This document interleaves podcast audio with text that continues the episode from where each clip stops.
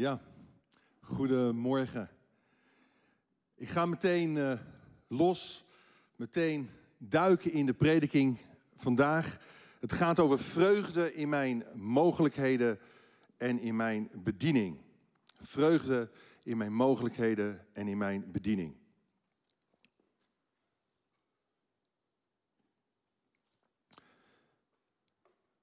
Vorige week zijn we ermee begonnen met het thema met name in mijn mogelijkheden. Vreugde in mijn mogelijkheden ontdekken. We hebben gekeken hoe dat kan. Daar gaan we uh, mee verder. We hebben één ingrediënt uh, onderzocht. Maar ook mijn bediening of mijn werk. Mijn werk in de kerk, mijn bediening in Gods koninkrijk. Er zijn ingrediënten die het mogelijk maken voor ons als we die toepassen in ons leven om vreugde te putten. Uit de mogelijkheden die gecreëerd worden door God, door situaties. En ik geloof dat elke situatie de potentie bevat om te groeien. De potentie bevat om onszelf te kunnen ontwikkelen. Om iets te betekenen voor mensen. Om tot zegen te zijn voor mensen. Hoe kom je ten volle tot ontplooiing? Oftewel, lees mee, hoe vind ik vreugde in mijn bediening? In mijn mogelijkheden. Allereerst, daar hebben we even kort samengevat, ook vorige week naar gekeken. Het eerste ingrediënt, ik blijf me ten volle inspannen voor mijn redding. Het ingrediënt dus van inspanning. En zoals u ziet, ik heb mijn dumbbells weer meegenomen. Ik zal ze alvast even op de juiste stand zetten hier. Ja, de dumbbells. Daar gaan we straks nog even weer naar kijken. Om lichamelijk in conditie te blijven, is het nodig dat je je blijft inspannen. We blijven liever in onze comfortzone hangen, maar willen we vooruit gaan uh, op lichamelijk gebied, maar ik geloof dat het ook geestelijk gezien effect kan hebben, is het nodig dat je je inspant. Dat je gaat wandelen, dat je gaat hardlopen, fitnessen, boksen, uh, tennissen, wat dan ook, voetballen. En geestelijk gezien is het ook nodig dat je blijft trainen. Dat je getraind blijft. Dat voorkomt ook dat je een yo-yo grissen wordt. En voortdurend heen en weer wordt geslingerd door van allerlei invloeden, uh, winden van leer, zoals Paulus dat beschrijft. Uh, trends die ons misschien helemaal uh, opzet, in verwarring doen raken. nou, het zorgt ervoor dat je geworteld wordt in Christus. Zo zegt Paulus, blijf u inspannen, lees u mee, voor uw redding. En doe dat in diep ontzag voor God. Want God is het die zowel het willen als het handelen bij u teweeg brengt. De MBG-vertaling zegt, blijf uw behoudenis bewerken. Nou, mensen denken, ja, maar we zijn toch uit genade gered om niet. Maar eigenlijk bedoelt Paulus te zeggen, werk je redding uit. Werk het uit wat God in je heeft gelegd. Je spant je in voor je redding, niet om redding te verdienen, maar om het uit te werken. En vandaag gaat Paulus de focus leggen op onze verantwoordelijkheid. Onze verantwoordelijkheid voor onze generatie. Het tweede ingrediënt is het ingrediënt van verantwoordelijkheid nemen. Verantwoordelijkheid dragen, ook in onze samenleving. Dus een tweede. Ik blijf me verantwoordelijk opstellen voor mijn generatie. Hoe vind ik vreugde? In mijn mogelijkheden, maar ook in mijn bediening. Ik blijf me verantwoordelijk opstellen voor mijn generatie. Filippenzen 2, vers 14. Lees u mee. Doe alles zonder morren en tegenspreken. Ja? Lees u mee. Opdat u zuiver en smetteloos bent. Onberispelijke kinderen van God te midden van een verdorven en ontaarde generatie. Waartussen u schittert als sterren aan de hemel. Een geweldige tekst. Waartussen u schittert als sterren aan de hemel. We leven in een wereld of in een samenleving die scheef gegroeid is. Die, die verdraaid, verdorven is. Je hoeft maar naar het recente nieuws te kijken en je denkt, help. Waar gaat dit naartoe? Waar gaat onze maatschappij naartoe? En toch worden we er niet uitgetrokken, maar we worden ertussen gezet met als doel om te schitteren, met als doel om uit te blikken, blinken. En ik geloof dat elke generatie zijn uitdagingen kent. En Paulus noemt de zijne krom en verdraaid. Krom, letterlijk vanuit het Griekse taal, en verdraaid. Er wordt, worden voortdurend dingen verdraaid. Wat goed is, wordt, wordt, wordt fout genoemd. Wat fout is, wordt goed genoemd. Een kromme, verdraaide generaal. Ik betrap mezelf er wel eens op dat ik zeg, ja, maar weet je, 20 of 30 jaar geleden, toen was de mentaliteit van mensen veel beter. De ouderen ons, die herkennen dat misschien wel. Of toen ik zelf tiener was en ik denk eraan terug, dan denk ik, ja, toen was het nog lang niet zo erg gesteld als met de jeugd nu, wat de moraal betreft. Het hek is van de dam. Er zijn absoluut geen grenzen meer op ethisch, op moreel gebied. Uh, men hokt maar, men doet maar. En, en we worden, laten we eerlijk zijn, wel makkelijker blootgesteld... ook aan seksuele onreinheid via Netflix, digitale kanalen.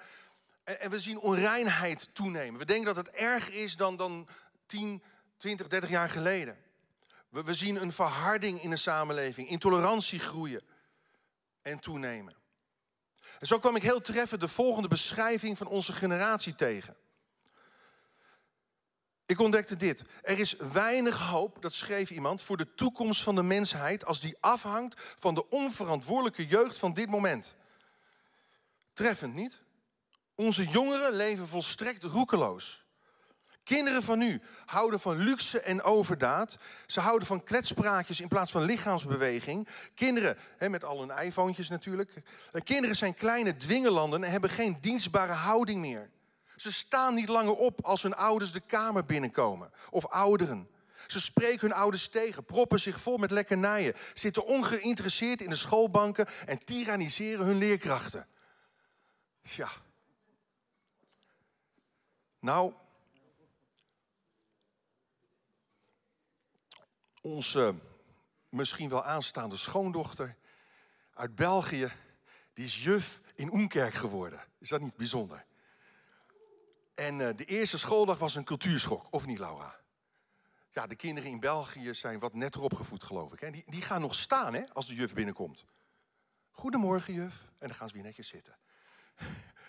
En hier, alles loopt kriskras door elkaar. De eerste wat ze hoorden van een kindje was: Wat moet hij hier? Wat doet hij hier? Wat komt hij hier doen? oh, oh, oh. Maar goed, even tezijde. Um, waar heb ik dit vandaan gehaald? Uit de Volkskrant? Um, heb ik dit uit, uit, uit, uit, uit de Trouw gehaald? Of uit het Nederlands Dagblad of de CIP? Deze beschrijving die ik net heb voorgelezen... komt uit de vierde eeuw voor Christus van de filosoof Socrates. Oh, wacht even. Ik dacht dat het over deze tijd ging. Er blijkt weinig veranderd te zijn. Niets nieuws onder de zon, hè? Wat kun je doen om te schitteren als sterren in de hemel of uit te blinken als alles om je heen duister is of duister lijkt? Allereerst, lees mee. Stop met een klagende levensinstelling en start met een dankende levenshouding.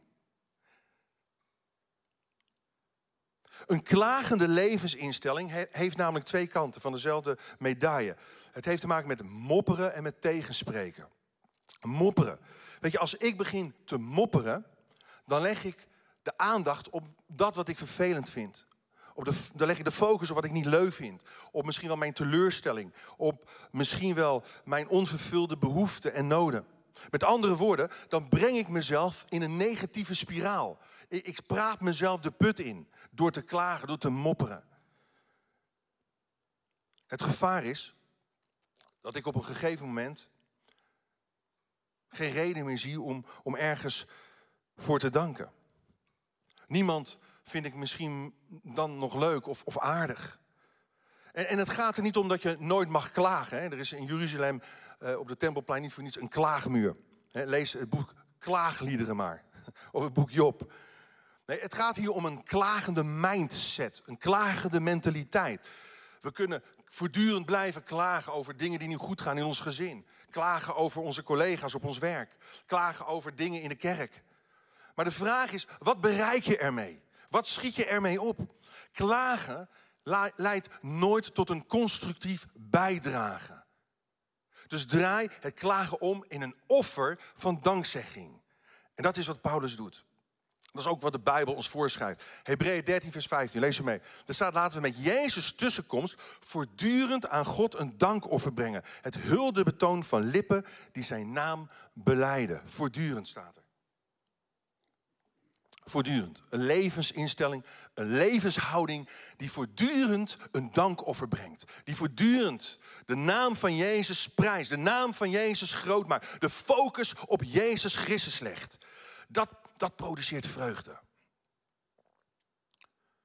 Het woordje morren dat Paulus hier gebruikt, wordt ook in Exodus 15 gebruikt voor het volk Israël. Die aan het mopperen was, aan het klagen was. Weet je, klagen of mopperen had hier te maken met een, morele en, en rationele opstand tegen God. Het woord geeft ook het geluid letterlijk vanuit de grondtekst van, van tegenpruttelende en, en ontevreden mensen weer. Het was een levensinstelling. Voortdurend maar klagen en maar klagen. Zwaar leven. Ik heb zo'n zwaar leven en maar klagen. Waarom zijn we niet gebleven waar we waren? Hadden we het vroeger niet veel beter? Ook al waren we in slavernij. Moet het nou zo? Arme ik. En God voerde hen uit Egypte met goud en zilver. Er was niemand die struikelde. Hij breidde een volk en vuur uit tot leiding en protectie van het hele volk. Hij voorzag in manna en kwakkels op wonderbaarlijke wijze. Hij opende de, de, de zee, hij opende de rots en wateren vloeiden. Midden in de woestijn, zodat ze te drinken hadden. En toch vergaten ze in een mum van tijd Gods goedheid, Gods weldaden, Gods zegeningen. Ze hadden in vier dagen het beloofde land in kunnen komen. Overvloeiende van melk en honing. Maar door een klagende, mopperende houding werd het veertig jaar. En er mochten maar een paar mensen uiteindelijk inkomen. Om af te rekenen met een klagende levensinstelling. Nogmaals, tuurlijk, soms heb je alle reden om even. Soms is het ook goed om even te klagen. Even iemand hey, die je vertrouwt. Joh, ik moet even klagen, even luchten. Maar dan stop ermee. Stop ermee. Ga weer de focus zetten op dat het goed is. Op dat wat God, op de mogelijkheden die, die zich aan kunnen dienen. De kansen die God je kunt geven. Dit klagen, waar Paulus over heeft, is een houding waar je niets mee opschiet. Dus hoe draag je verantwoordelijkheid voor jouw generatie? Doe alles zonder mopperen en klagen, zegt hij. Het gaat er dus niet om dat je niet moet zeggen wat fout is. Het gaat erom dat je willens en wetens blijft volhouden aan misschien je gelijk, je zelfmedelijden, ten koste van je getuigenis, ten koste van je geestelijke gezondheid. Weet je, we zijn geroepen om te prijzen en te zegenen in plaats van te klagen en af te kraken. Hoe vind ik vreugde in mijn mogelijkheden en bediening? Ten derde, ik blijf, lees u mee, een teamspeler. En ik blijf mezelf omringen met betrouwbare medewerkers. Dat is een van de dingen die we echt voor ogen hebben gesteld, ook in het leiderschapsteam. We zijn een team. En de hele gemeente mag geleid worden door teams. Niet één persoon met een sterke persoonlijkheid of één persoon met een briljante gave. Nee, we zijn met z'n allen, met elkaar zijn we één groot team. En Paulus, hij, hij werkte nooit alleen. Als je zijn brieven bestudeert, dan zie je dat, dat er altijd een groep mensen om hem, heen, om hem heen stond. Die hem bijstond, die met hem meewerkte, die hem ondersteunde, die met hem meereisde. Dit is het ingrediënt. Wil je vreugde hebben in je bediening? Vreugde hebben. Oh, doe het met elkaar. Doe het als team, samen. En alle eer gaat niet naar één persoon. Alle eer gaat altijd naar één persoon. En dat is God, niet, niet een mens. Hij koos mensen uit met wie hij de wereld op de kop zette. In twintig jaar tijd heeft hij door samen te werken met uitmuntende teams een ongelofelijke prestatie geleverd. Door heel Klein-Azië heeft hij kerken gesticht. Heeft hij zending bedreven. En, en het feit dat hij betrouwbare mensen om zich heen had verzameld, maakte zijn bediening succesvol. Maakte zijn werk aangenaam en vreugdevol.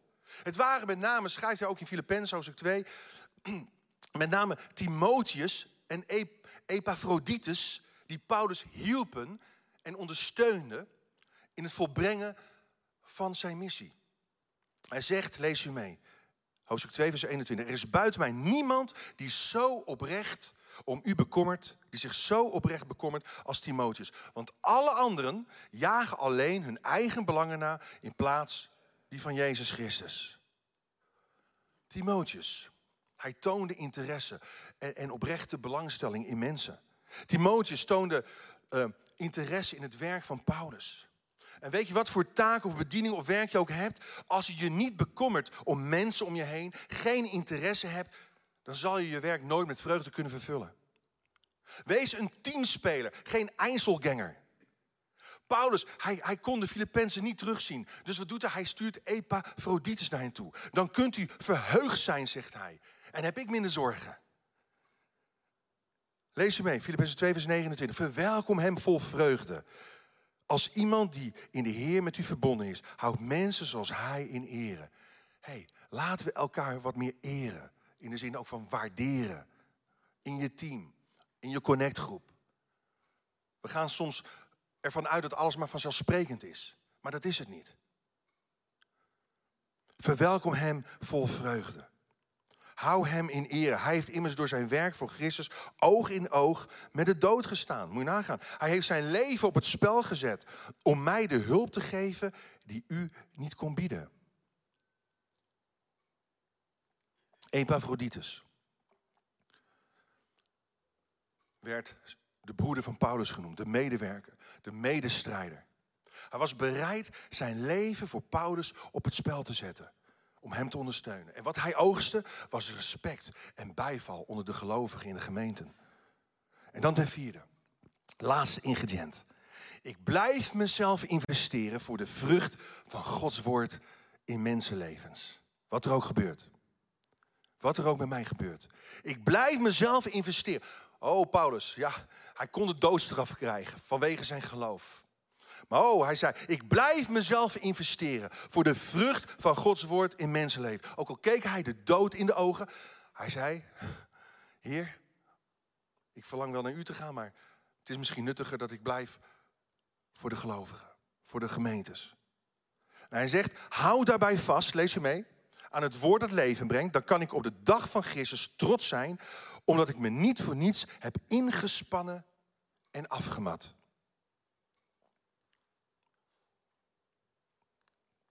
Omdat ik me niet voor Wat is dat voor tik? Ik hoor een tik.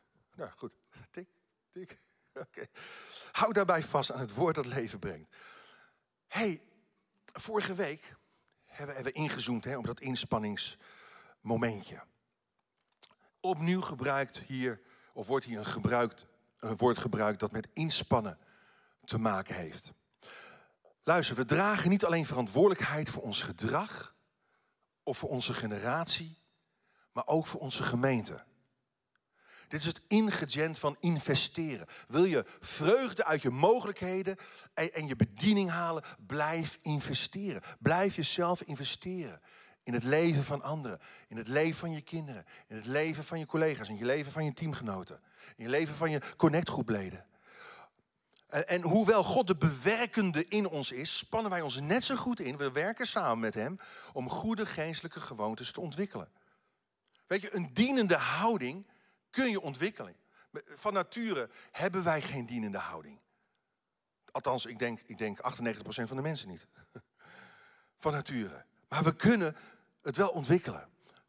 We kunnen belangeloze interesse in mensen ontwikkelen. Je inzetten voor de verspreiding van het evangelie kun je ontwikkelen. Je kunt groeien, je kunt je ontwikkelen in, in, in, het, het, in, in de eenheid en de onderlinge verbondenheid.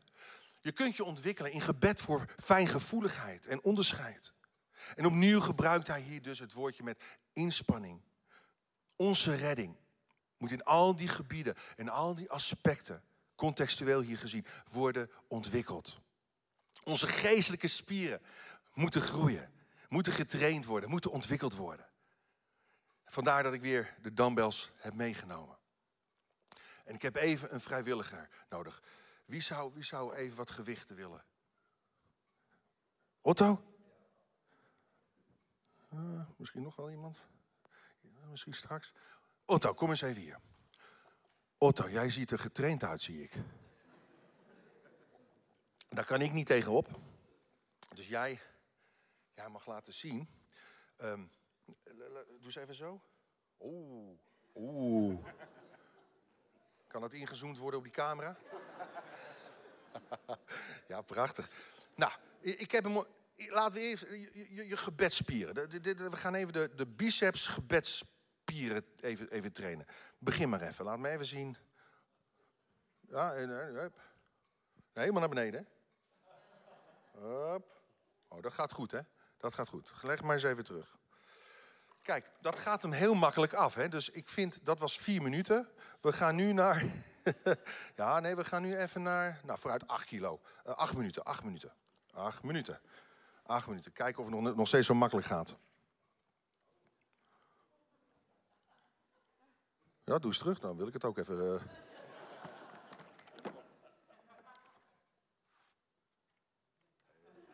Applausje, hè? Hey. Kijk, ja, nee.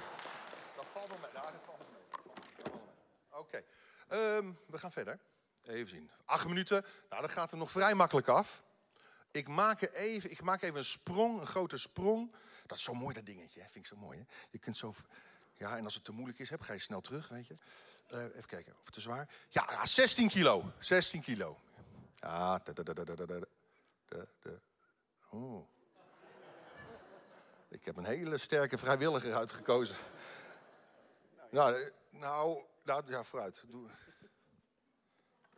Ik ga niet de hele tijd met je mee, hoor.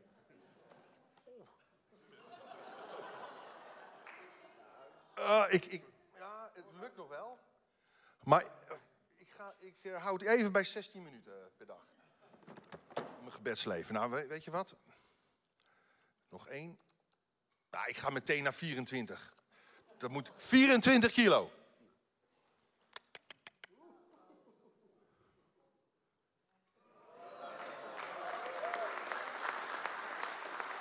Ah. Oh, eh, ja, in ieder geval anderhalve keer, hè? Applausje. Applausje. Is er nog een held? Is die twee of drie keer kan halen met 24 kilo? Ik zie daar een vrijwilliger.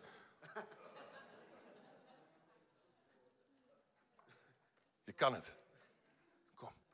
Je kan het. Nee, oh. Oh, oh, Ja, ja bij 24, dan- dan moet, moet je, dan moet je vader even helpen. Kom. Johan, kom.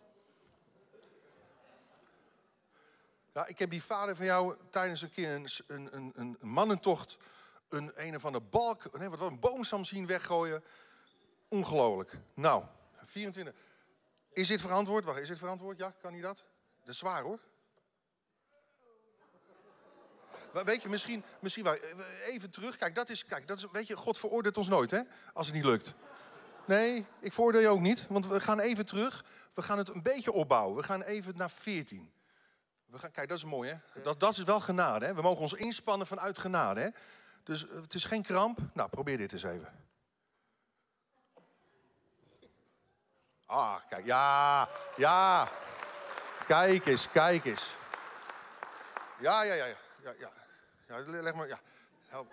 Ja, wa- wacht even, blijf even staan. Kijk, want nou gaan we... Oep, nou heb je 14 gedaan, maar kijk, nou mag je even achteruit staan. Want nou gaan we het voor je vader wat moeilijker maken. Ja, Johan. Ja, ik weet, hij kan het. Ja. Jee. Nog, nog één keer. Nee, nee, nee, dat wordt te zwaar. Nog één keer? Nee, nou. Hey, even applausje voor deze mensen. Nee, nee, nee, doe maar niet, doe maar niet, doe maar niet, Jury, doe maar niet. Nee, is echt, eh, als hij gaat vallen op je teen, dan, eh, ja, dan heb ik een probleem. Dat is mijn verantwoordelijkheid. Ja, oh, bedankt, ja, fantastisch. Jij ook bedankt. hey, Otto, ook even een applausje.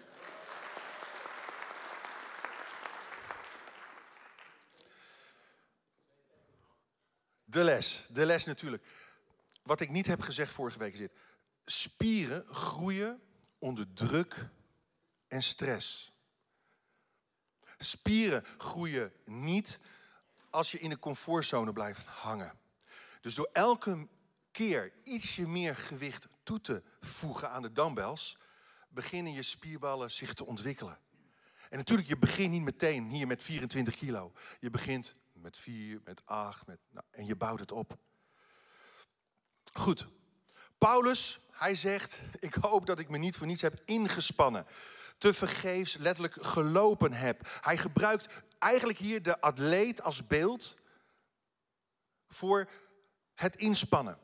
Het inspannen voor zijn bediening als verkondiger van Gods woord. Hij, hij, hij gebruikt ook het beeld van een arbeider die zware handenarbeid moet verrichten. En, en, en hij zorgde dat hij geestelijk gezien dus in topconditie was. Zodat zijn inspanning vrucht kon dragen. En dat produceert vreugde.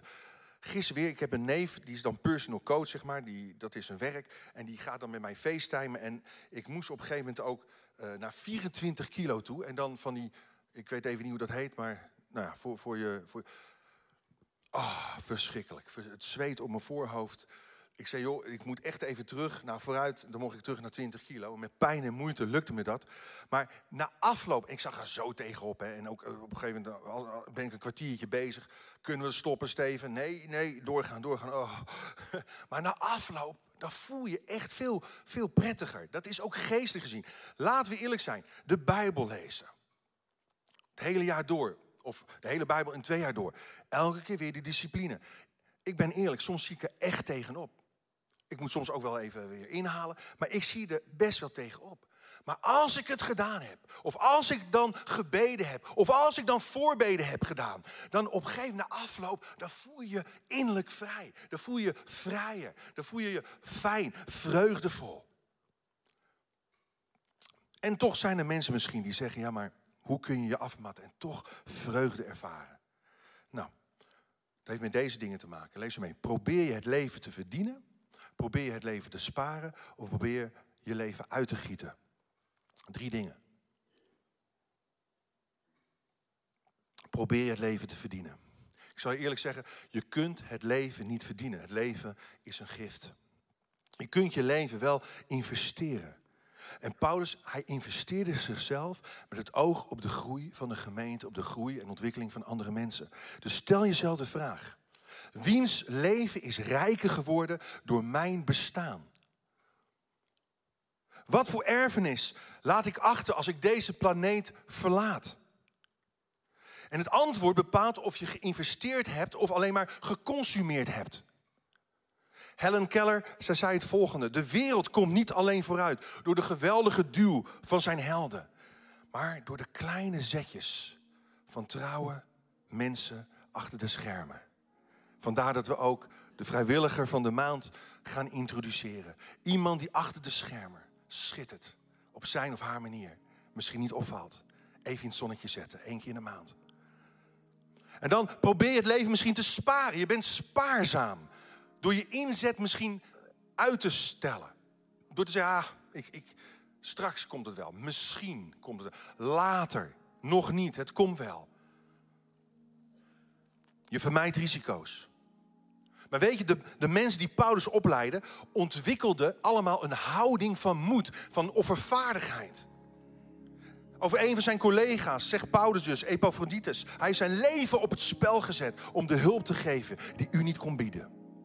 En luister, wat je ook doet voor Gods koninkrijk in zijn naam, heeft impact, heeft eeuwigheidswaarde. Warren Wiesber, hij zei het volgende, lees mee. Welke taak God je ook geeft, vergeet nooit dat je bediening de hele wereld beslaat. Wanneer je trouw de Heer dient.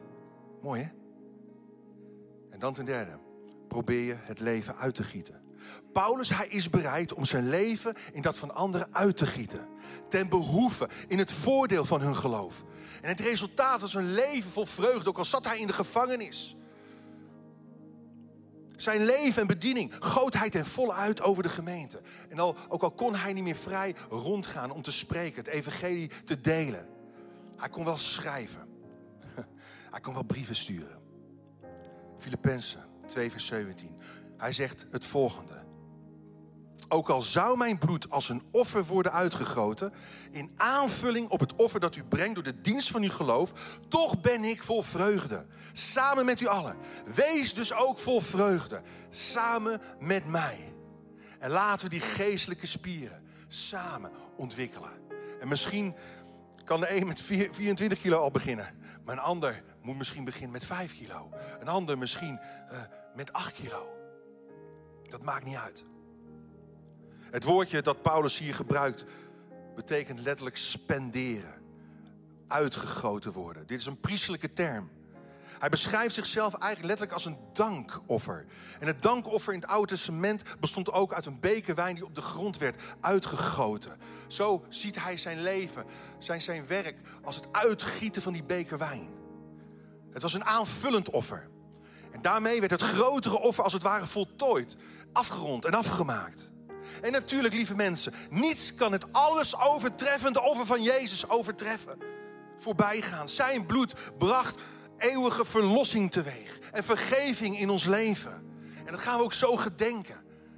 Daaraan gaan we, gaan we, daarbij gaan we stilstaan. Maar jezelf investeren in het leven van anderen vernietigt je individualiteit niet, je originaliteit, maar het wijdt deze toe aan een hoger doel, een hoger plan. En maakt je tot een beter persoon, omdat je deel uitmaakt van een groter geheel. En van het plan dat God met je leven heeft.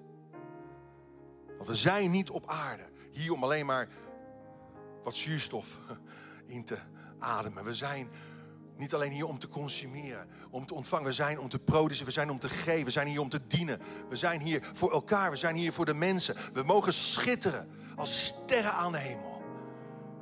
En God wil dat je gaat schitteren. God wil dat je gaat uitblinken. In gebed misschien, in het Bijbellezen misschien, in het onderwijzen misschien, in het bemoedigen, in het zegenen van anderen, in het vertroosten van anderen, in het helpen van anderen. Je zult nooit ten volle tot de plooiing komen. Als je je mogelijkheden en je bediening, je gaven voor jezelf houdt. Zullen onze hoofden buigen, onze ogen sluiten. O Heer, geef ons die bereidheid. Geef ons die mentaliteit, die mindset die Paulus ook had, Heer. Die zijn medewerkers hadden. Om te investeren. Om ons leven uit te gieten in het belang van anderen. Kies vandaag. Bid nu met mij mee. Heer, ik blijf mezelf investeren voor de vrucht van Gods woord in mensenlevens. Bid met mij mee. Heer, ik blijf een teamspeler en ik blijf mezelf omringen met betrouwbare medewerkers. Ik wil het niet alleen doen. Ik wil niet voor eigen eer gaan. Ik wil niet voor mijn eigen belangen gaan. En dan ten derde, bid met me mee. Ik blijf me verantwoordelijk opstellen voor mijn generatie. Door mijn hart zuiver te houden. Door mijn houding op uw karakter af te stemmen. En dan te vierde, ik blijf met de volle inspanning voor mijn redding. In de zin dat ik mijn redding, mijn behoudenis wil uitwerken. Heere Jezus, dank u wel dat we ons aan die vier ingrediënten als het ware mogen toewijden. Dat die vier ingrediënten in ons leven mogen worden uitgewerkt tot een prachtig mooi resultaat. Een prachtig mooi product. Zoals die taart. Waar we het vorige week over hebben gehad. Alle ingrediënten zijn nodig. Voor een heerlijke taart op het eind. Met de slagroom en de kers erop. Heer Jezus, dank u wel. Voor de vreugde die u produceert. Die u bent. Die u geeft. Heer, zo wil ik in ieder zegen in Jezus machtige naam. Amen.